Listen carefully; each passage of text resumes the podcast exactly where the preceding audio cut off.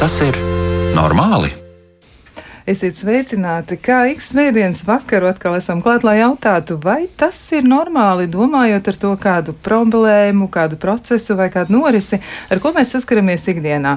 Studijā Kristiāna Lapiņa, bet par skaņu šovakar rūpējas Kristaps Briedis. Un atgādināšu, kā jau ierasts, mēs eh, meklējam atbildes runājot par psihisko veselību un dzīves kvalitāti, un par to arī uzdodam jautājumus. Un aicinām arī jautājumu uzdošanā iesaistīties jūs, klausītājs. Sūtiet savas pārdomas, atziņas vai idejas uz raidījumu elektronisko pasta adresi, vai tas ir normāli at Latvijas radio.lv. Un noteikti varat sūtīt ziņas arī Latvijas radio mājaslapā, atrodot raidījumu, vai tas ir normāli ziņojumu logu. Šodien runāsim par depresijas ļoti, ļoti daudzajām sejām. Mēs šo sarunu jau esam pirms kāda laika uzsākuši, bet šoreiz turpināsim un mēģināsim atrast arī dažus citus rakursus, kā uz eh, šo problēmu paraudzīties. Tātad, cik tad dažādi mēdz būt depresija, kāda ir depresijas cēloņa, gal galā vai depresija var vai nevar būt sezonāla, un ko tad darīt, ja cilvēki piemeklējusi depresiju.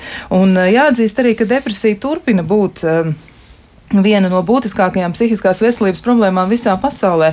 Pēc slimību profilaks un kontrolas centra datiem katrs 14. Latvijas iedzīvotājs 15 līdz 64 gadu vecumā cieš no depresijas, un 60 līdz 80% no pašnāvību upuriem ir bijuši depresijā.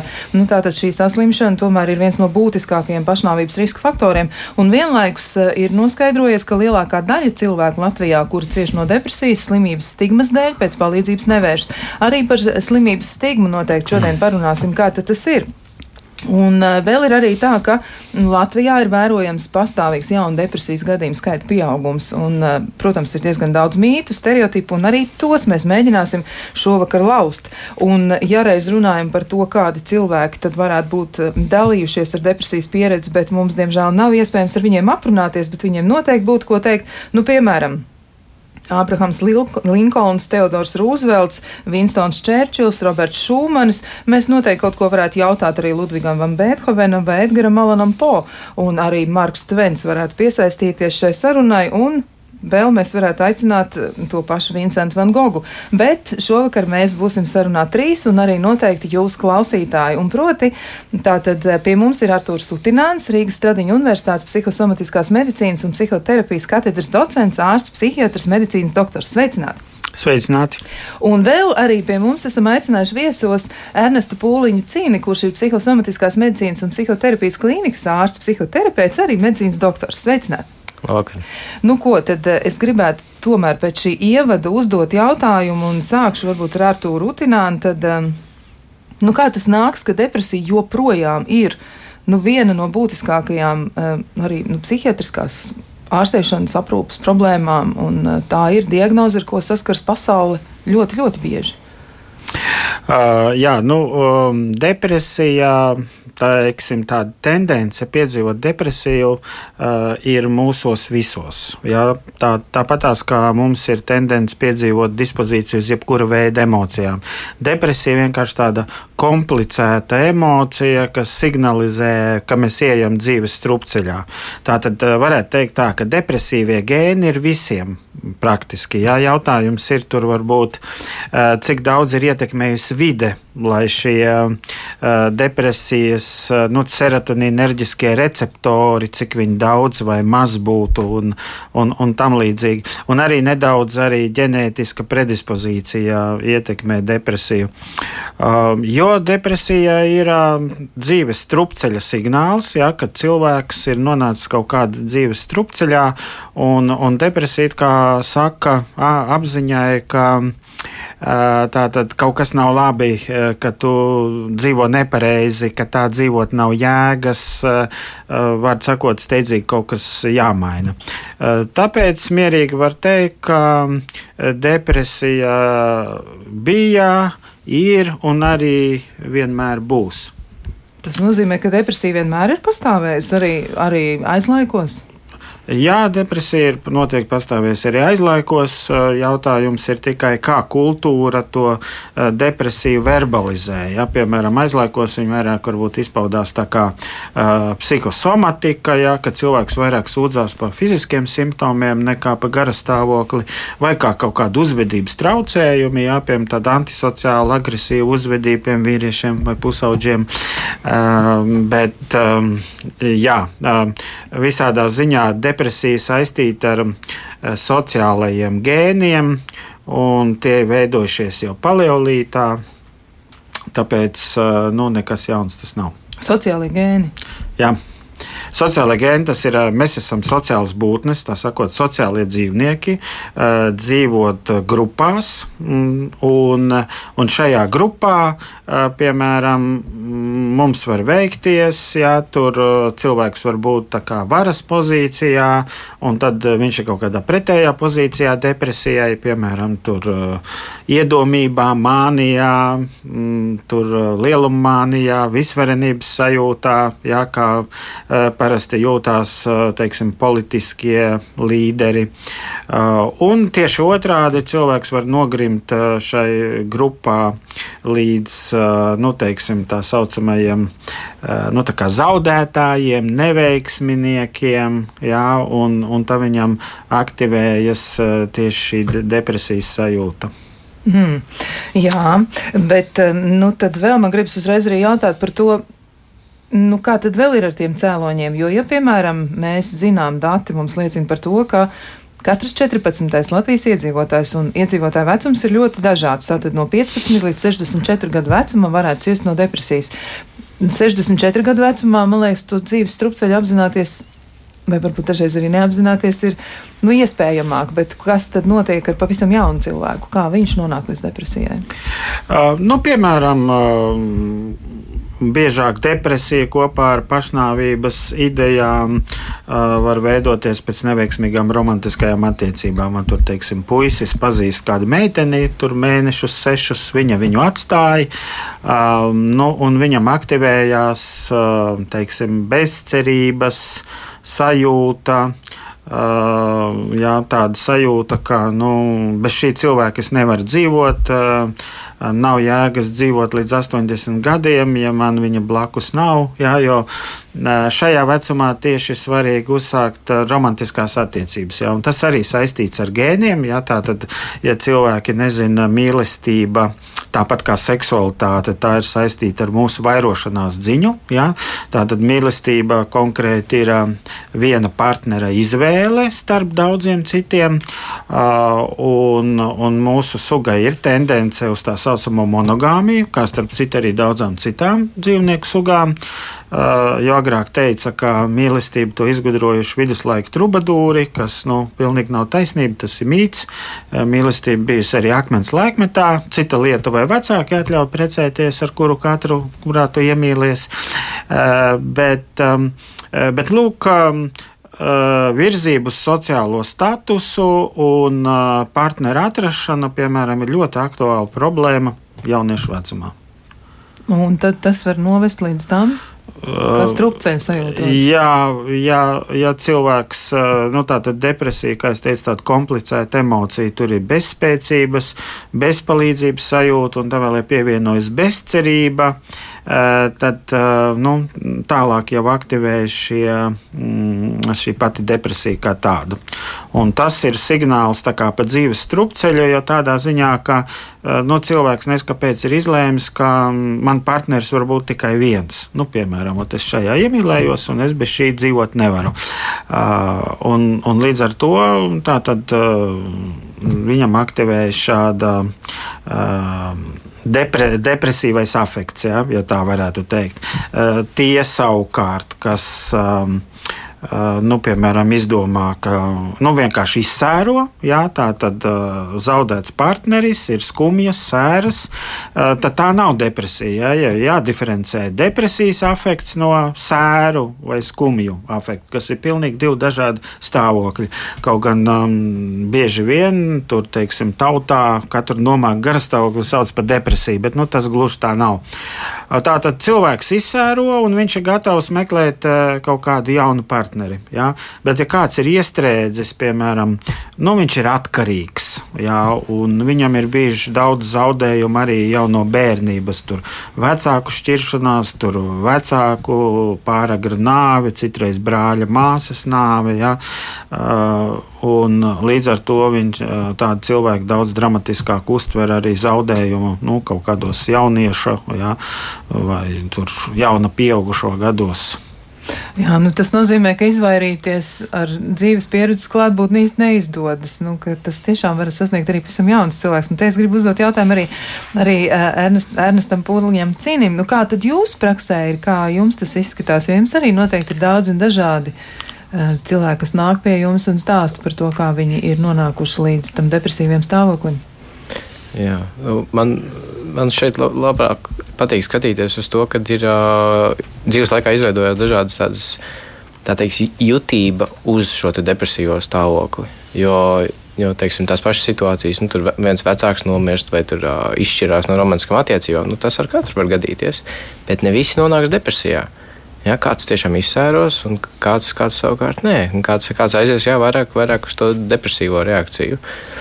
Un tad, manuprāt, ir vērtīgi skatīties dziļāk sanāk par to, kā tas cilvēks, kā tā personība ir veidojusies un kā veidojās tās, tā teikt, tās stiprās puses, kas ļauj nu, adaptēties jaunām, jaunām situācijām un neieslīgt depresijā. Un, nu, manuprāt, manuprāt, tas, tas palīdz daudz labāk to izprast. Jā, nu labi, bet tā tad tās stiprās puses, bet kā tad ir ar tām stiprajām pusēm? Kas ir tās stiprās puses, kas varētu pasargāt potenciāli cilvēku no depresijas? Nu, piemēram, cilvēkam ir, ir, ir ja mēs runājam par, par to, kā cilvēki veido attiecības, tad ir, varam runāt par piesaistes veidiem. Ir tāda drošā piesaiste, ka cilvēks var var būt kopā ar citu, bet tajā pašā laikā viņš var būt arī viens un vēl joprojām justies labi, jo viņam tā teikt, pak pakausī vēl joprojām ir tā otra cilvēka bilde. Viņš saprot, ka viss, viss būs kārtībā. Ja kas, tikšu galā, ja nē, tad iespējams kāds palīdzēs. Nav tā, nav tā bezcerības un izmisuma, tā nu, vispār bezjēdzības sajūta, nu, kad beigās kaut kā tiks galā. Bet eh, kas tad varētu būt tas, kas to tiešām palīdz attīstīt? Nu, piemēram, ir, ir cilvēki, kuri aug ļoti, ļoti aprūpēti, un viņiem ir ļoti daudz eh, mīļu cilvēku blakus, kas par viņiem rūpējas. Un, Un, un var gadīties arī tā, ka tie cilvēki kādā dienā nav līdzās. Kas varētu notikt tad? Kā tad ir? Vai ir atšķirības starp tiem cilvēkiem, kas ir piedzīvojuši kādu zaudējumu vai kādu izaicinājumu dzīvē, vai viņi ir gatavāki tam, lai pārvarētu depresiju, kā tie, kuri ir ļoti, ļoti pasargāti bijuši? Jūs tā uzsverāt uz ļoti, ļoti pasargāti. Nu, vai pasargāti, jā. ja, ja, ja, ja ir savā ziņā kaut kāda vai pāraprūpa, vai vienmēr, vienmēr ir bijis klāt tas, tas vecāks, vienmēr tur ir, nu, vienmēr pasargājis un neļāvis sasisties un, un piedzīvot kaut kādas sāpes un pārdzīvojumus. Tad arī bērnam nebūs tā, un pēc tam jau jaunietim un pieaugušiem jau nebūs šīs spējas pašam tikt galā ar, ar to distresu. Jo, nu, jauniem cilvēkam augot, savā, savā ziņā sākumā vienmēr tas vecāks ir blakus, kurš viņu pasargā un vienmēr uh, aizsargā. Un tad pakāpeniski piedzīvo arvien vairāk un vairāk situācijas, kas rada kaut kādu stresu. Jā, bērns, teiks, teiksim, mamma iziet ārā no istabas, bērnam varbūt rasties fantāzija, ka mamma ir pazudusi. Un arī savā ziņā kaut kāds zaudējums. Un pēc tam mammai atgriežoties, bērns saprot, ah, nu, ok, izdzīvojuši to te un pēc tam mamma aiziet uz ilgā, ilgāku laiku projām. Un uh, bērns savā ziņā varēs, varēs atsaukties uz to iepriekšējo pieredzi. Ah, es iepriekš izturēju, varbūt arī šoreiz izturēšu. Tā kā, nu, tur ir, manuprāt, tur tāds, tādā, tāds, tādam smukam balansam ir jābūt starp to, nu, kā, cik ļoti ir tas pasargās tas, tas cilvēks agrā bērnībā un cik, cik ir nu, pakļauts tam stresam. Mm, kā tas izskatās? Varbūt ir vēl kāds arī komentārs par šo. Kā būs no Artur Rutināna puses, varbūt tur ir arī vēl kas piebilstams, nu kas tad varētu pasargāt, jo ja reiz tik ļoti daudz cilvēki tomēr saskars ar depresiju un tā kļūst par viņu problēmu ilgāk vai īsāku laiku dzīvē, kas tad varētu būt tas mehānisms, kas palīdz nenokļūt līdz šādam stāvoklim? Um, nu, galvenais mehānisms, eh, kas ir no tādos pats sociālo spēku puses, jā, tās ir tās uh, labās uh, atbalstošās attiecības, kas, kā minēja Ernests, veido drošu piesaisti. Nu, vēl viens faktors ir arī tomēr ir gēniem nozīme, jo ir tā, izdala tāds gēnus, kas saucās laimes gēni, jā, kad um, ar šo gēnu komplektu cilvēks diezgan labi pārdzīvo grūtus brīžus, jā, jo viņam ir diezgan daudz serotonīna izdalās smadzenēs, un, un līdz ar to serotonīns ir tas, kas nomāca negatīvās emocijas. Un tad ir, ja nepaveicās ar gēniem, piemēram, ir tāda monomīno oksidāzes tāda inhibitora A gēnu daļa, kad tāds īsā lēle kad, e, ja cilvēkam ir e, bērnībā labas attiecības, tas gēns neizpaužās. Savukārt, ja ir e, traumatiskas attiecības ar agresiju, tad cilvēks arī paliek agresīvs, jo aktivējas šis, šī gēna alēle. Savukārt, ja ir cits gēnu variants, kas saistīts ar serotonīnu enerģisko mm, gēnu receptoriem, tad atkal, ja bērnībā ir labas attiecības, tas gēns nekādīgi neizpaužās. Ja bērnībā šī šīs attiecības ir traumējošas. Ja? Ne tikai ka ir šķiršanās, bet arī nu, ka ir varmācīga attieksme. Veidojas drīzāk tāda upura identitāte ar bezspēcības, bezpalīdzības sajūtu un tādu patoloģisku vainas apziņu. Un, un tās savukārt tā tad vieglāk veido šo uh, depresiju. Ja? Uh, tā tad um, nu, gēni plus ārējā vide. Jā, tā, tā, ir, tā ir viena nozīme. Otra lieta, kad būs depresija, kad nebūs, vēl ir saistīta ar to, kā vecāki iemācīja atpazīt emocijas. Jā? Mm. Un, var sakot, Depresija aktivēsies tad, ja cilvēks nonāk iekšējā konfliktā. Ja? Piemēram, ja bērns audzes drošā vidē, viņš pazaudē, pieņemsim, vienu partneri, nu, ja mēs runājam to depresiju variantu, kas saistīta ar romantiskajām attiecībām, vēl būt arī ar sociālo statusu. Tad viņš pazaudē partneri, tad ir šīs sēras, bet nekāda iekšējā konflikta nav. Savukārt, ja ir piemēram, lūk, veidojas neusticības sajūta. Nu, piemēram, tā tad bija sliktas attiecības bērnībā, un tagad um, šķiršanās arī bija ar tādiem konfliktiem, mm, teiksim, laulības attiecībās vai romantiskajās attiecībās, kas aktivē mm, neusticības sajūtu pasaulē, sociālo trauksmi, svešinieku trauksmi, tad veidojas iekšējs konflikts. Piemēram, es pazaudēju iepriekšējo partneri, bet es atrodu, ka man ir grūti iepazīties, nu, teiksim, apkārtējā pasaulē, citi cilvēki mani biedē. Es nevaru uzticēties cilvēkiem, tas ir viens, un teiksim, man bail no atstumšanas. Un līdz ar to cilvēkam ir kā vajag attiecības, bet viņš baidās viņas veidot. Piedāvājam, tas ir varbūt pilnīgi neapzināti. Jā, cilvēks pat neapzinās, ka viņam, piemēram, ir svešinieku trauksme, sociālā trauksme, uh, un izveidojas tāds globāls neticība, nu, pieņemsim, pretējam dzimumam, jā, pie heteroseksuālas orientācijas. Uh, un, un, tas, un tas veido to iekšējo konfliktu, jā, kad um, Mums ir tāds instinktīvs spiediens attiecības izveidot, eh, bet eh, šī trauksmes veidi savukārt ieslēdz stop signālu, ja, un es attiecības veidot baidos. Un tas ir iekšējs konflikts, un tas ir dzīves strupceļš. Jo cilvēks kā nonāk strupceļā, es nevaru realizēt mērķus, ko es vēlos. Ja? Un tad aktivējas nevis sēras, bet depresija. Rekā, tā tad es kaut ko gribu un kaut ko nevaru.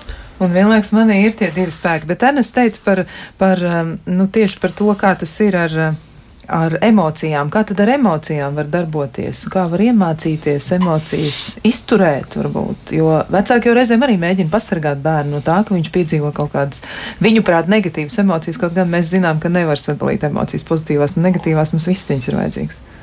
Jā, nu, ar, ar to tiešām jāsāk, ir, ka nav pozitīvs, negatīvs. Viss ir vajadzīgs, viss ziņā ir pozitīvs, jo viņam ir kaut kāds pozitīvs pienesums. Un tad uh, agrā bērnībā vecāks var arī bērnam to mācīt. Jā, kad, nu, teiksim, sāk, sākumā viņam spoguļojot emocijas par to, ka nu, izskatās, ka tu tagad esi dusmīgs vai, vai tu esi apbēdināts. Vai, vai, vai tu kaut kā citādāk nu, nepatīkami jūties, vai bieži vien tā aizliegta emocija, kaut kāda greizsirdība vai skaudība, to bieži vien vecākiem grūti iemācīt savam bērnam, jo pašam šķiet tā ir slikta emocija. Un, un, un, nu jā, emocijas sākumā ir jāiemāca, spoguļojot, un tad, tad piedzīvojot dažādas situācijas, bērns sāks pats atpazīt šīs emocijas un nu, sāks labāk funkcionēt sabiedrībā. Bet noteikti nav viegli iemācīt, nu, kā, kā izturēt greizsirdību. Nu, piemēram, ja parādās mazākais brālīts vai māsiņa, nu, tas nav tāds viegls mirklis cilvēka dzīvē, mazā cilvēka dzīvē. Varbūt tas ir nu, viens no variantiem. Nu, kā to izdarīt? Nu, kā, kā tad bērnam to skaidrot? Nu, vecāks mēģina uzminēt. Ka, Kas tas ir? jā, kad, kad, kad tas uh, nu, brālis vai māsa varētu tā justies. Uh, Savā ziņā jau, jau var nu, diezgan precīzi paredzēt, ka visticamākais viņš tā arī jutīsies. Tad, tad savā ziņā var jau, jau skanēt bērnu par to, kurā brīdī viņš jūtas kaut kā neapmierinātāks. Tad, tad teikt, jā, varbūt tu jūties greizsirdīgs par to, ka tu tur veltu vairāk uzmanību, piemēram, tam otram, un uh, normalizēt to sajūtu. Ja, nu, ja gadījumā to nenormalizē, tad arī nu, potenciāli kaut kādas citas reakcijas var, var sagaidīt no šī no šī bērna, ka viņš tur kaut ko sāks grūstīt. Ļoti bieži dzirdēs no, no pacientiem, kur uh, nu, vecāki ir apjukuši un nesaprot, kāpēc tad, uh, tas vecākais brālis vai māsa dara pār tam jaunākajiem. Saka, te, tik ļoti gaidīja mājās, un tik ļoti laimīgi bija. Un, un tad aiziet uz virtuvi, un tad sāk grūstīt viņu, vai ņem nost mantas. Vecāki kādreiz apjukuši, nesapratu, kāpēc tā, viņi tik ļoti gaidīja. Jā, bet vai mēs varam uzskatīt, ka nu, tāda emocionālā inteliģence varētu būt resurss tam, lai pārvarētu depresiju vai izvairītos no depresijas? O, jā, absolūti. Emocionālā inteliģence tiešā veidā korelē ar, ar uh, to, nu, ka būs mazāk depresijas dzīves laikā. Labāk, labāk spēsi funkcionēt. Labi, nu tad to mēs esam noskaidrojuši, bet vēl arī ir tā, ka nu, diezgan daudz raižu sagādā tie dati, kas stāsta par dzimumu atšķirībām, jeb dzimtas atšķirībām, un proti, ka sievietes no depresijas tomēr cieši vairāk, un arī viss nu, tāds lielākais risks, nu, piemēram, sievietēm ir vairāk vecumā no 40 līdz 50 gadiem, kā izrādās saskarties ar depresiju. Kā varētu izskaidrot dzimumu atšķirības? Kāpēc sievietes no depresijas cieši vairāk? Nu, statistika to rāda, vai tas ir statistiskās lamatas, kurās mēs iekrītam, ka tur vienkārši viņas ziņo biežāk par to, ka viņas jūtas slikti, vai arī tas tiešām reāli tā ir? Ir iespējams tās statistiskās lamatas, jo es esmu dzirdējis pretēju statistiku. Kad depresija ir vairāk vīriešiem? Jā, um, nu, ar, arī vienmēr pirms kaut kādām sarunām es mēģinu iedvesmoties, nu, paskatoties kaut kādus portālus vai, vai kaut kādas citas statistikas vai kaut ko palasīt. Un tad um, es, es atradu statistiku, kur, kur visā pasaulē vidēji 12% vīriešu, 10% sievietes slimo ar depresiju. Un tur bija cita statistika atkal. Nu, Un, un, un, un tāpēc es, es domāju, ka tur tiešām tur rodas statistiska kļūda pēc tā, kā tad, nu, teiksim, tur, tur nosaka to, kur sabiedrības daļa ir ar depresiju. Ja, piemēram, nosaka pēc tā, kuri vēršas pie ārstiem, tad, teiksim, teiksim, pēc palīdzības, tad, tad varētu būt, ka sievietes biežāk jājojo. Sievietes varbūt biežāk nekautrējas teikt, kā viņas jūtas. Vīrieši biežāk ir audzināti, nu, kad nu, neteikt, kā viņi jūtas, un kaut kā paturēt pie sevis vairāk. Un, nu, Šī ir tāda vājības pazīme, pateikt, ka tas nomākts vai, vai kaut kā netiec galā. Nu, taču saņem, jāsaņemās un jātiek galā. Ne? Tā kā, nu, manuprāt, ja, ja citādāk papētītu, paņemt no ielas simts cilvēkus, tad tur būtu atkal Tur būtu citi dati. Tur būtu citi dati, jā. Citi dati, jā.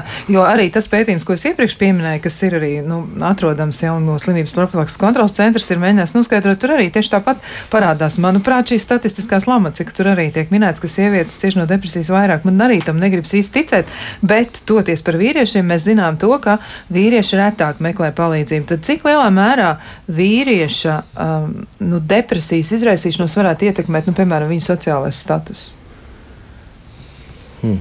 Vai tas varētu tā būt, ka viņš ir, nu, tiešām viņam ir visas bērnība teikuši, tev jābūt stipram, tev jābūt varenam, tev visu jāizdara, tev jāuzņemas atbildība. Un, un vienā jaukā dienā viņš saprot, ka viņš nevar to visu izdarīt, vai viņš nevar piepildīt tās cerības, kas ir uz viņu liktas, un, un varbūt tas varētu būt viens no depresijas izraisītājiem vai veicinošiem aspektiem. Noteikti. Jūs, kad docents Utnēns aprakstīja par to iekšējo konfliktu, nu, tad arī nu, izteiktāks būs šis konflikts, ja bērnībā tā ir audzināts.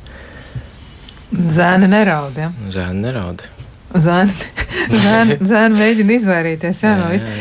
Jā, jo patiesi nu, arī tas tiek adresēts um, nu, tiem vīriešiem, vai arī par to tā tiek runāts. Ja? Tā tad mm, tiek domāts, ka, nu, piemēram, vīriešu nerunāšana par savu pašizjūtu, par savu stāvokli, par to, ko viņi mm, jūt un kādas emocijas viņiem ir, nu, tas ir saistīts ar to, kāds ir sociālais spiediens, kas no viņiem tiek sagaidīts. Mm -hmm. Vai Latvijā jūs arī, nu, bērnas, piemēram, jūs savā praksē novērojat arī tādus gadījumus, kad, nu, atnāk pie jums vīrietis, nu, it kā liekas, ka.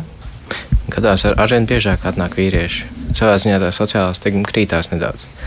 Tā ir laba ziņa. Tā, tā, ir, tā ir laba ziņa. Bet, bet statistika nu, šeit mums. Labi, šo, šo statistiku nevar īstenībā sagrozīt, jo tie ir, jo tie ir mirušie cilvēki. Pašnāvību statistika, ja, jo, jo vīriešiem pašnāvību risks ir daudz lielāks nekā sievietēm.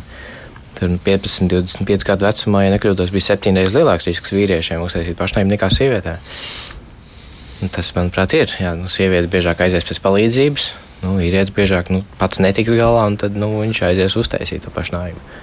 Jā, nu skaidrs. Nu tā tad eh, arī tas varētu būt saistāms ar to, kā vīrietis jūt sevi sabiedrībā un kā, mm. kā viņš domā, kā viņam vajadzētu izturēties. Nu, ko? Visnotaļ sarežģītas lietas. Jā, nu, vēl arī man tāds jautājums ir saistībā ar eh, to, vai depresija ir saistām, piemēram, ar laika maiņu, bet to jautājumu mēs mēģināsim gan uzdot, gan arī atbildēt pēc ļoti, ļoti īsa brīža.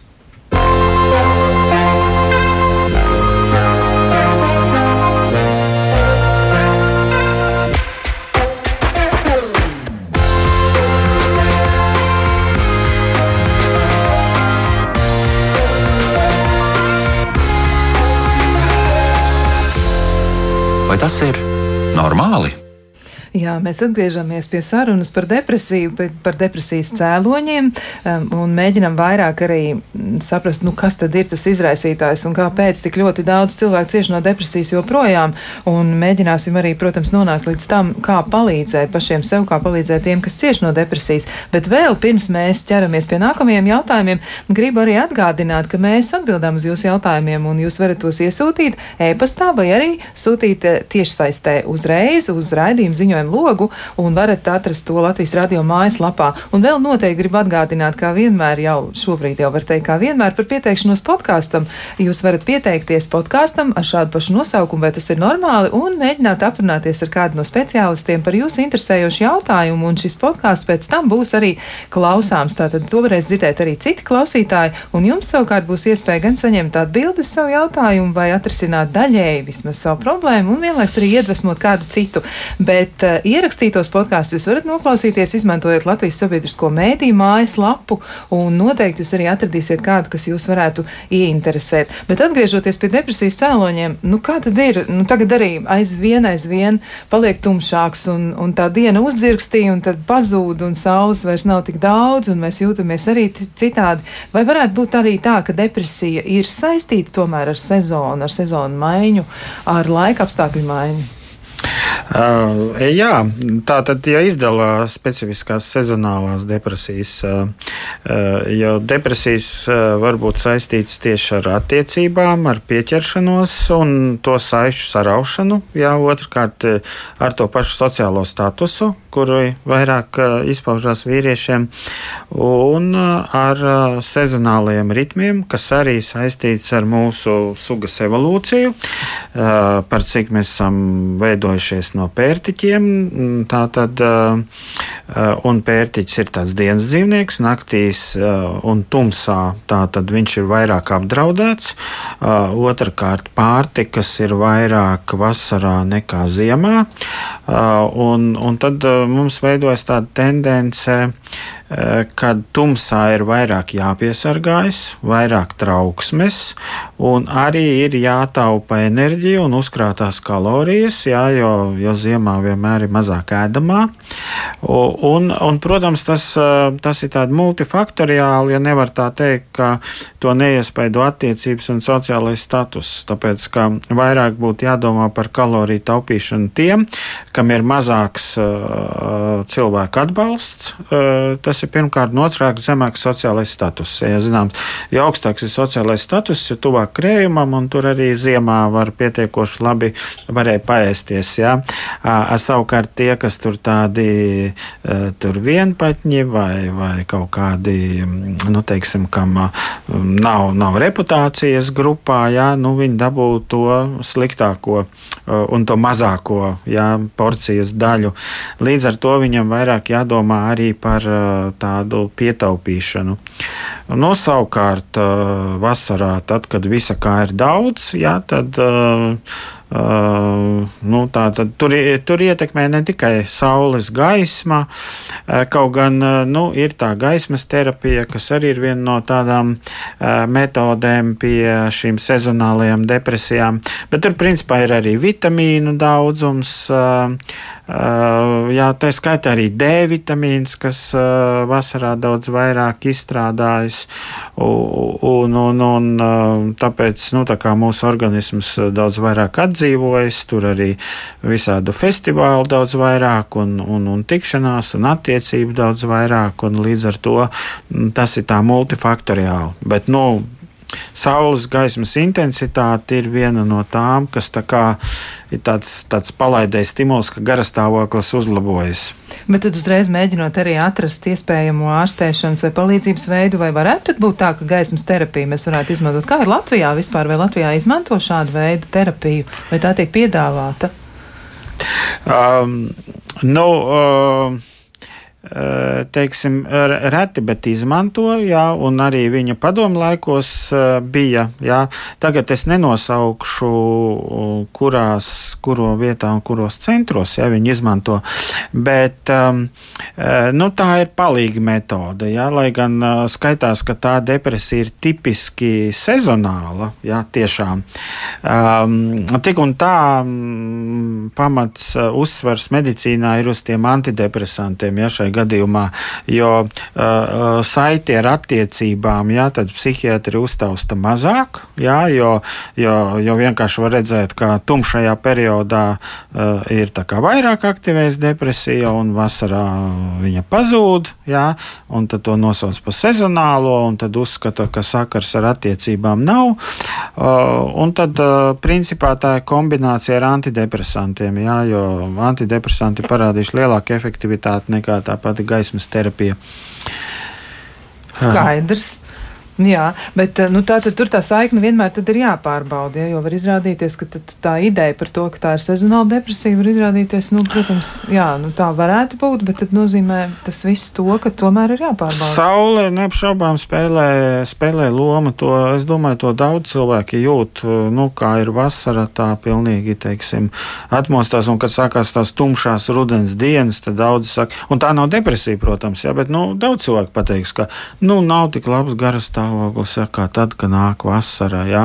Un, un, un tad, kad, piemēram, uzsniegs sniegs, kāpēc daudz tik ļoti gaida sniegu, ja, izskatās viss gaišāks. Un tas arī ir tieši ir, ir izmērāms ar tiem pašiem luminiem, ja, ka vienkārši sniegs atstaro vairāk to saules gaismu, tāpēc arī gaišāks izskatās. Ja, līdz ar to mēs tā kā mazliet vairāk saņemam, un tad, un tad nu, cilvēki mazliet, jā, re, kur Ziemassvētki ar, ar sniegu tik forši. Jā. Tā tāds lietains, pelēks Ziemassvētki, visi saka, nu tie, tie nav īsti Ziemassvētki. Nav Ziemassvētku bez sniega, jā, jā. tie nav īsti, tie, tie nav tādi, kādiem jābūt.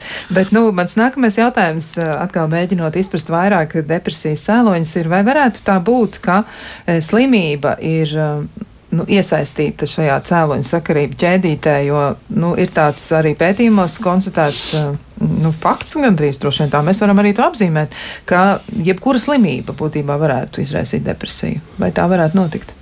Tā ziņā, ka. Nu ne depresijas vai ne, ne psihiska slimība. Jā, bet jebkura cita slimība, nu, somatiska slimība, tātad, nu, ķermeniska, kroniska slimība, jā, nu, pieņemsim ādas kaiti kāda ilgstoša mm -hmm. vai kas cits, nu, kas nomok cilvēku. Jā, protams, tas tā ir. Jo, no, cilvēks, cilvēks tīri fiziski iet cauri daudz grūtākam dzīves periodam. Un, un tas izaicina viņa esošās adaptācijas metodes ar to, kā viņš līdz šim ir tit, spējis tikt galā ar ikdienas grūtībām. Un tās ikdienas grūtības ir, ir tagad jau daudz sarežģītākas, vai tur ir chroniskas sāpes, ar kurām ir jāsadzīvo, kas nu, loģiski cilvēku daudz nu, krietni nomāca, ja viņiem ir ilgstošas sāpes. Un, Un, ja ir slimība, kur ir uh, saīsinātas dzīvības, tas atkal uzreiz raisa eksistenciāls pārdomas par, par dzīvi, par vispār par visu jēgu. Un, uh, un savā ziņā, ja cilvēkam jau ir šī jutība, nu, tā, teiksim, tā paaugstināts risks attīstīties uh, kādām mentālām slimībām, tad, tad, uh, tad protams, ka nu, viņam būs arī lielāks risks, ja būs vēl papildus kāda cita slimība klāta. Tas nozīmē, ka varētu arī tā būt, ka diezgan likumsakarīgi patiešām ir tas, ka cilvēkam ir kāda kroniska slimība, un tad gal galā depresija varētu būt arī ļoti loģisks elements tajā visā. Jā, bet neobligāts. Bet neobligāts. Mm -hmm. Nebūs vienmēr tā, ja, piemēram, cilvēkam ir tiešām nopietnas izaicinājums, nu, piemēram, onkoloģiska slimība, ka tad viņš varētu sagaidīt depresiju. Nu, var, var uzmanīties. Tādā ziņā radinieki var var, var būt vairāk uzmanīgi. Ja? Nu, teiksim, paskatīties līdzi vairāk arī par mentālo stāvokli, ne tikai uztraukties par to, cik ļoti tas audzējs tur attīstās, bet arī būt vairāk nu, empātiski un saprast, ka cilvēks ir nu, tiešām smagam pārdzīvojumam šobrīd cauri. Un, un, un, un, nu, paskatīties, jā, vai tur nesāk parādīties kaut kādas suicidālas idejas, vai, vai, vai tur, tur cilvēks nesāk pārāk daudz noslēgties no sabiedrības, vai viņš nesāk badoties vai, vai pārēsties, kas būtu tāds arī tāds tipiskie simptomi. Tā kā, var, var uzmanīties, būt, bet, būt vērīgiem. Ja? Būt vērīgiem, tas skan labāk. Jā, jā būt vērīgiem. Nu, vēl man gribētu jautāt arī Par cēloņiem mēs diezgan daudz uzzinājām. Cēloņi tiešām ir ļoti daudz un dažādi. Un depresija var izraisīt ļoti daudzas un dažādas norises, un gēnu teorija, man liekas, ir visjaudīgākā šobrīd un laikam visticamākā. Bet kas tad un vēl? Ietekme. Nē, nu, jāsaprot, slimības arī aktivē iekšējo konfliktu, tāpēc attīstās depresija. Nu, piemēram, ādas slimībā cilvēks, nu, cilvēkam izskats ir ļoti svarīgs, kā viņš iedomājas, kā viņš patīk apkārt apkārtējiem patīk vai nepatīk, vai tu esi skaists vai, vai, vai nesmuks, jā, vai, vai ar slimīgu ādas izskatu. Jā. Um, tāpat tās arī daudz citas slimības, nu, kā teiksim, cukura diabēts, um, uh, nu, viņš uh, var, var tikt uztverta kā, piemēram, būtiski traucē uh, nu, gan attiecības, piemēram, ja cilvēks uh, zaudē attiecības, jā, un viņš domā, man ir cukura diabēts, un vai man ir vērts iet uz randiņiem, jo tāpēc tāpēc, ka, nu, ko es teikšu partnerim. Otrakārt, tas var traucēt arī nu, karjeriskos sasniegumus. Jā, tas ir tās depresijas, kas saistītas ar sociālo statusu. Tātad, ja cilvēks sajūt to hronisko saslimšanu un viņš sāk sevi norakstīt, jā, tad, nu, ot, viss, jā, tur bagāts un slavens es vairs nebūšu. Jā, tad, bet, bet gribētos, jā, viņš ienāk tajā iekšējā konfliktā. Savukārt pie onkoloģiskām saslimšanām, jā, kā es teicu, ļoti būtisks tas patognomais afekts ir bezcerības sajūta. Jā, un skaidrs, ka onkoloģiskās slimības tātad var aktivēt šo bezcerības sajūtu. Šī bezcerības sajūta var būt pamatota, jā, un tad cilvēks tiešām nu, tā tad, eh, kāpēc arī dažās valstīs akceptē eitanāziju, ja tā bezcerība ir pamatota, ka tiešām viņam nekādīgi nevar palīdzēt. Viņš mokās sāpēs, Jā, un, um, un, un līdz ar to, jā, to eitanāziju atzīst. Bet uh, tā bezcerības sajūta var būt arī nu, nepamatot. Jā, tā onkoloģiskā slimība ir uh, ārstējama, jā, bet cilvēkam liekas tas kā damokla zobens. Jā, pat man izoperēja jā, to vēzi, bet uh, viņš var jebkurā brīdī atkal sākties, līdz ar to vai man ir vērts tur, nezinu, tagad tur braukāt pa pasauli vai domāt par karjeru, ja tas vēzis jebkurā kurā brīdī var aktivēties. Ja? Tātad tas ir tas, tas saistīts ar to uh, pašu dzīves strupceļu, kādā cilvēks var sajusties. Bet tur skan cauri ļoti daudz baiļu. Kā tad ar bailēm? Kā ar to tikt galā? Jo cilvēks varētu baidīties no tā, ka ka kaut kas attīstās tālāk, un arī cilvēks ilgu laiku jau netika galā, piemēram, ar onkoloģiskām slimībām. Tas bija ļoti grūti patiesi. Nu, bija tā, ka tur nebija īsti kā, kā to uzveikt. Nu, pirmkārt, visi cilvēki baidās no nāves, ja tas ir skaidrs. Tā tad uh, slimības aktivē tā saucamo veselības trauksmi. Jā, veselības trauksme tā ir uh, risku prognoze, jā, kad uh, es varu nu, priekšlaicīgi nomirt. Bet arī citus trauksmes veidus, piemēram, to pašu sociālo trauksmi. Jā, vat, nu, tagad es apkārtējo acīs izskatos tā kā tāds zaudētājs, jo, jo pacienti var uztvert, ka, nu, ja man tie citi ir veseli, jā, tur skaisti, priecīgi un smaida, Jā, man ir šī slimība, es esmu, es esmu citāds, jā, un es nevaru kā, vienlīdzīgi ar viņiem justies. Jā, nu, tas tā kā konkurencē, vai ne? Visi, visi noskrien tur simtiņu, jā, tur nezinu, ātrāk par 14 minūtēm, es varu tikai 20 minūtēs. Jā, skaidrs, ka es tā jutīšos kā pilnīgs tāds vainieks, jā, un, un, un nevienlīdzīgs ar pārējiem. Bet ko tad darīt tādā gadījumā? Ja tas cilvēks ir nu, slims, tad viņam ir nu, kaut vai nu, diabēta pacients. Viņš nepamodīsies vienā rītā un nebūs tā, ka diabēts būs pazudis pats no sevis. Nu, kā tad viņam tikt ar to galā? Kā viņam novērst savus depresijas riskus? Tā, šeit man nedaudz ne, nepatīk tā ideja par to, nu, ja ir kaut kāda bezcerīga diagnoze, tad, nu, tad nu, viss tad ir, tad ir depresija tad ir, tad ir eitanāzija. Jā, jā. Jo, jo tis... Tādu ideju es neteicu. Jā, jā, jā. Redzēt, cilvēks es, es iedomājas, ka ir bezcerība, nevis bezcerīga diagnoze. Jā. Bet bezcerīga diagnoze ir tad, kad uh, onkoloģija nevar izārstēt un cilvēks ir terminālajā stadijā. Tajā ir bezcerīga diagnoze. Bet tas jā, nevar būt nemaz tik bieži. Tad arī cilvēks var justies relatīvi labi. Viņš var justies relatīvi labi arī, arī, arī tajā situācijā. jā, es saprotu, saprotu. Tā var jā. teikt cilvēks, kas nav to sastapies. nu, jā, man pašam nav gadījies. Nu, bet jums ir, arī nav bijis. Jums bet, ir atšķirīga pieredze abiem, bet jūs abi divi strādājat ar pacientiem, jums noteikti ir savu vērojumu, un tad tas noteikti noderētu arī visiem tiem, kas klausās. Nu, kāda ir tā pieredze, kas ir, kas ir tie gadījumi, kad tas nav saistāms kopā, ka tas nav uzreiz nu, ja, ja, ja varētu tā teikt, nu, vienkārši gandrīz vai tiešām, ka mēs varētu paredzēt, jā, ka cilvēkam ir kroniska slimība vai pat onkoloģiska slimība, ka mēs gaidām, ka noteikti būs depresija, bet tas nenotiek, nav depresija, un ka tas ir iespējams, ka var tā arī nebūt. Nu, manuprāt, tur ir ļoti daudz tie faktori, ka, ko, ko var, uz ko var spēlēt tajā brīdī. Nu, tad viens ir, nu, vai, vai tam pašam cilvēkam vai tuviniekiem aizdomāties, kas līdz tam ir palīdzējis tikt cauri dažādām grūtībām, vai tie ir kaut kādi hobiji, vai tie ir kaut kāda cits nodarbošanās, vai cit, citam tiešām vairāk tās, tā socializēšanās dod, dod, dod lielāku gandarījumu un, attiecīgi, nu, neizolēt šo cilvēku. Um, Man, tur tik, tik ļoti daudz lietas var, var, tev, var tagad domāt par to. Jo, jo katram jau būs savi tie, tie, tie faktori, kā viņš, kā viņš tiek galā ar to ikdienu. Vien, vienam tas būs vairāk palikt, palikt vienam, citam vairāk socializēties, citam realizēties dzīvē. Um, un, un tur, tur jau parādās jautājumi par dzīves filozofiju un dzīves, dzīves jēgas idejām. Un, Dažiem nu, par vērtībām, vai ne? Jā, un, un, un, un, jā, un, Un, uh, nu, teiks, es teiksim, ja, ja runāju par dzīves jēgu, es, es vairāk teiktu, ka mūsu dzīvē tā jēga ir vairāk piedzīvot emocijas. Un lai kādas viņas ir. Atkal par tām emocijām. Jā, jā un, un, manuprāt, man, man pašam patīk šī ideja, jo, jo tad nevar aiziet greizi. Jo dzīve, dzīve kāda, cik viņa raiba ir, tik viņi mūs arī, arī ir interesanti tajā brīdī. Nu, vienīgi es varētu piebilst, um, ka emocijas uh, var būt situācija adekvāts un situācija neadekvāts. Ja? Tāpat no pa bezcerību mēs te iestrēgām. Mhm. Bezcerība var būt, uh, nu, teiksim, cilvēks var pareģot, ka dzīvē nav jēgas, uh, un tā ir, nu, teiksim, ilūzija. Ja? Tāpat kā tas jaunietis, ko es minēju, ka meitene atstāja un liekas, ka viss līdz 80 gadiem nav vērts dzīvot, tāpēc, ka neviena tāda es neatradīšu, ja, kas, protams, ir ilūzija. Ja. Un arī pie uh, chroniskām saslimšanām un pat onkoloģiskām saslimšanām var būt tā, nu, tāda pati ilūzija, ja, kad man vairs uh, nu, nav vērts. Ja.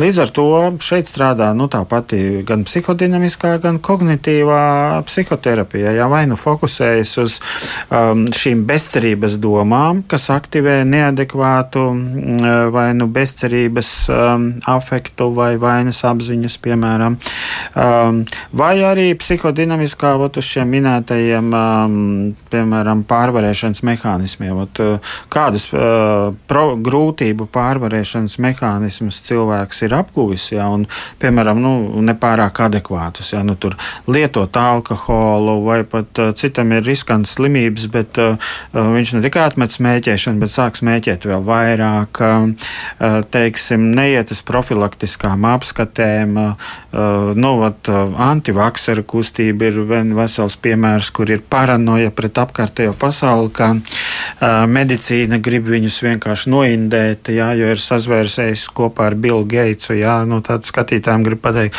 pilnīgi murgi. Mm, jā, klausītājiem. Jā, nu, Kla, jā, arī noteikti. Jā, ir, ir, ir dažādi viedokļi. Jā, un, bet, bet ir kā paskatieties, cik plaši viņi darbojās un, un tic visādiem interneta frīkiem, kas tur visu kaut ko izplata. Bet tas arī ir par, tas arī par bailēm tomēr. Jā, un tas, tas ir par bailēm, jā. Bet, Mūs, mūs grib noindēt, nočipot 5G, tur lidmašīnas izmet indes. Un, nu, un ko ar to darīt, ja cilvēks tā jūtas? Tās ir, tās ir tā saucamās neadekvātās domas, jā, un, um, uh, un šī neadekvātā neticības sajūta mm, faktiski zinātnē, jā, un, un medicīnai, uh, un um, nu, viņas var ārstēt psihoterapeitiski, tāpēc psihoterapija par paralēli antidepresantiem. Jā, bet runājot par pašiem antidepresantiem, arī vēl jautājums, jo, protams, daudzi cilvēki, kur gal galā tomēr nonāk līdz ārstam, nonāk arī līdz ārstam psihiatram, nonāk pēc tam arī līdz psihoterapeitam, viņi lieto antidepresantus, bet tik viegli nemaz tas eh, nav. Un ir ļoti grūti uh, piemeklēt piemērots medikaments bieži vien, jo cilvēka organisms ir unikāls un rēģē ārkārtīgi dažādi. Kas ar to vēl var būt saistāms? Varbūt depresija reizēm arī nu, ir kaut kāda blakus efekta, par ko būtu vērts tomēr zināt. Nu, Pirmkārt, jāatcerās, ka mums smadzenēs ir dabiskie antidepresanti. Ja? Dabiskie antidepresanti ir pozitīvās emocijas. Ja? Katru reizi, kad mēs izjūtam pozitīvas emocijas, smadzenēs izdalās dopamīns, serotonīns, endorfīni, kanabinoīdi un tam līdzīgi. Bet, lai iegūtu pozitīvas emocijas, jābūt iemeslam, respektīvi jāmāk jā, to izdarīt. Uh, tāpēc jau tur ir ģimenes loma, ja ģimene bērnībā iemāca uh, simts ģimenes tradīcijas, kādā veidā var iegūt pozitīvas emocijas. Jā. Ar citām vispār vienas tradīcijas nav. Viņa ģimene kā tik ir kopā, tas strīdās un kaujās. Bet man liekas, bija kaut kur tāds, uh, vai nebija gadījumā tas viens no tādiem nu, sadabīgiem testiem noskaidrot, cik tā ģimenes tradīcija jums ir un ka tas, zināmā mērā, varētu arī nu, signalizēt par psihoemocionālo veselību un arī vispār par par iespējamiem resursiem. Vai tas varētu būt arī pārbaudām? Mēs varbūt varam klausītājiem arī ieteikt, nu, mēģināt pārskaitīt pašiem, cik, cik bieži ir tādas ģimenes tradīcijas, kas veicina tādu patīkamu kopā būšanu. Jā. Un cik vajadzētu būt minimāli? Vai ir tādi dati patiesībā? Varbūt par to var arī padomāt. Nu, vajadzētu tā, ka pozitīvo mm, tradīcija ir pārsvars par tām, kad strīdās. Jā. Strīdāties arī ir nepieciešama, bet nu, tam strīdam jāved līdz, līdz problēmas atrisinājumam. Depresija sākas tur, kur strīdi kaut kādi nerisināms ietilpas, nu, ievelkas gadiem. Jā. Nu, tur, piemēram, greizsirdības strīdi vai aizvainojumi, ka nepievērš uzmanību. Jā, viens un tas pats strīds, ka tu man nepievērš uzmanību, izpaužās gadiem ilgi. Un to, un to neatrisina nekādā veidā. Ja? Jo, jo strīds ir priekš tam, lai tātad mēs apmainamies ar viedokļiem un atrodam risinājumu. Tad ko, ko te dara? Ko te darīt? Jā. Bet, ja tas neizdodas, tad, un lai nenonāk līdz dziļai depresijai, tad ko tādā situācijā darīt? Tad vajadzētu iet pie ģimenes terapeita. Tad jau profilaktiski ģimenes pāru terapijas, piemēram, jā, vai, vai individuālās terapijas, kamēr vēl nav depresijas. Jā. Piemēram, sociālā trauksme. Jā. Jaunībā sociālā trauksme veido komunikācijas grūtības. Tas nozīmē, ka ja viņas netiek atrisinātas, tad pēc 30 gadu vecuma sievietēm pēc 3-5 vīriešiem var parādīties šī klīniskā depresija. Bet vīriešiem daudz agrāk, kad ja mēs runājam, kā var izpausties depresija, būs alkohola atkarība. Jo vīrieši depresiju ārstē ar alkoholu. Vienkārši sievietes biežāk iet pie ārstiem un ņem antidepresants, a vīrieši pie ārstiem neiet, bet lieto alkoholu. Nu, nelāgas sekas jebkurā gadījumā. Mm. Sievietēm savukārt ir vēl viens apdraudējums, jo arī gan pētījumi, gan dažādi dati apliecina to, ka depresija traucējumi daļai sieviešu attīstās pēc tam, kad viņas ir laidušas pasaulē bērnu. Arī tāda situācija mēdz būt. Jā, pēc tam divi. Peripartumu, ja jeb ap dzemdībām, ar dzemdībām saistītā depresija. Tad, tad varbūt gan pirms, gan, Jā, ap, ap, gan pirms, gan pēc. Un, un, un, un, un, un tas, tas arī savā ziņā saistīts ar kaut kādām dzīves izmaiņām, ar, ar nepieciešamību pielāgoties. Protams, arī visi, tur var runāt diezgan gari un plaši par hormonālām izmaiņām, visu, visu to, kas notiek ar, ar, ar stresu grūtniecības laikā, un pēc tam, kad bērniņš ir piedzimis. Jo hronisks stress jau pats par sevi un tās negulētās naktas, kas bieži vien ir, tas, tas arī pats par sevi veicina depresijas attīstīšanos. Tur ir arī, arī diezgan gara kaskāde par to, kā kortizols ietekmē, jeb nu, stresa hormons kortizols, kā ietekmē smadzeņu funkcionēšanu. Un, un tad arī tāds BDNF faktors, kurš nu, atbild par smadzeņu attīstību un jaunu, jaunu neironu veidošanos. Un, nu, un, ja tas ir zemāks, attiecīgi depresija var attīstīties. Skaidrs, tad tas būs šajās situācijās. Vai tas pats faktors varētu darboties arī citur, kur ir pārliecīga spriedze? Jā, jā.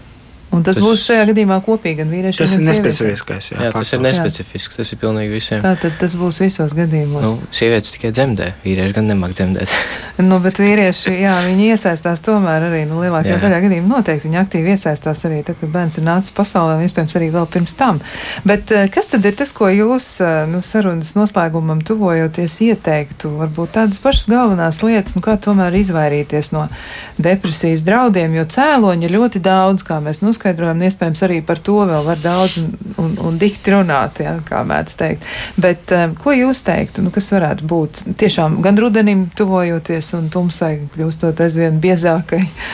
Nu, ko tad darīt? Es teiktu, ka pašam ir jāmāk pazīt pašam sevi, zināt, kas patīk, kas sagādā prieku. Tad atrast, atrast kaut kādus prieka avotus, mēģināt. Jā, ves, veselīgas, pozitīvo emociju iegūšanas veidus. Mm. Uh, un, nevi, un ne tik daudz vienatnē, cik attiecībās, par cik mēs esam sociālās būtnes. Ja? Jo tieši attiecībās mums ir grūtāk. Cilvēks kaut kā vienatnē var izdomāt, tur, vai nu paēst, vai pie datora kaut ko interesantu atrast, ja? Uh, vai sociālajos tīklos pasurfot. Ja? Bet kā ir attiecībās, var tieši uh, kopā būšanas aspektā. Jā, nu tad jāmēģina tomēr. Nu, ko nu pārskaitiet arī savas ģimenes tradīcijas, varbūt palīdzēs, un uh, droši vien jau vairāk tādu būs, un ja tās būs tādas, kas dod prieku un atbrīvošanās izjūtu, tad uh, tas ir labi, ja jums tādas ir. Nu, šovakar saku paldies studijas viesiem Artūram Utinānam, Rīgas Stradeņu Universitātes psihosomatiskās medicīnas un psihoterapijas katedras docentam, ārstam psihiatram un medicīnas doktoram, un arī Ernestam Pūliņam cīnīm psihosomatiskās medicīnas un psihoterapijas klīniskam, klīnis, klīnikas ārstam, psihoterapeitam arī medicīnas doktoram. Nu, paldies abiem ekspertiem par ieskatu depresijas cēloņos. Tiešām ļoti interesants temats, bet izskatās, ka tam arī vēl ir iespējams paplašinājums un sarunas turpinājums. Bet eh, klausītājiem atgādināšu, ka mēs tiksimies nākamajā nedēļā un tad runāsim par to, kāda tad ir mūsu pašu slēptie aizspriedumi, cik dažādi tie ir un ko tad ar tiem mēs varam iesākt un vai daļa no tiem ir vai nav normāli. Lai jums jauka nākamā nedēļa un tiksimies atkal tajā reizē. Visu labu!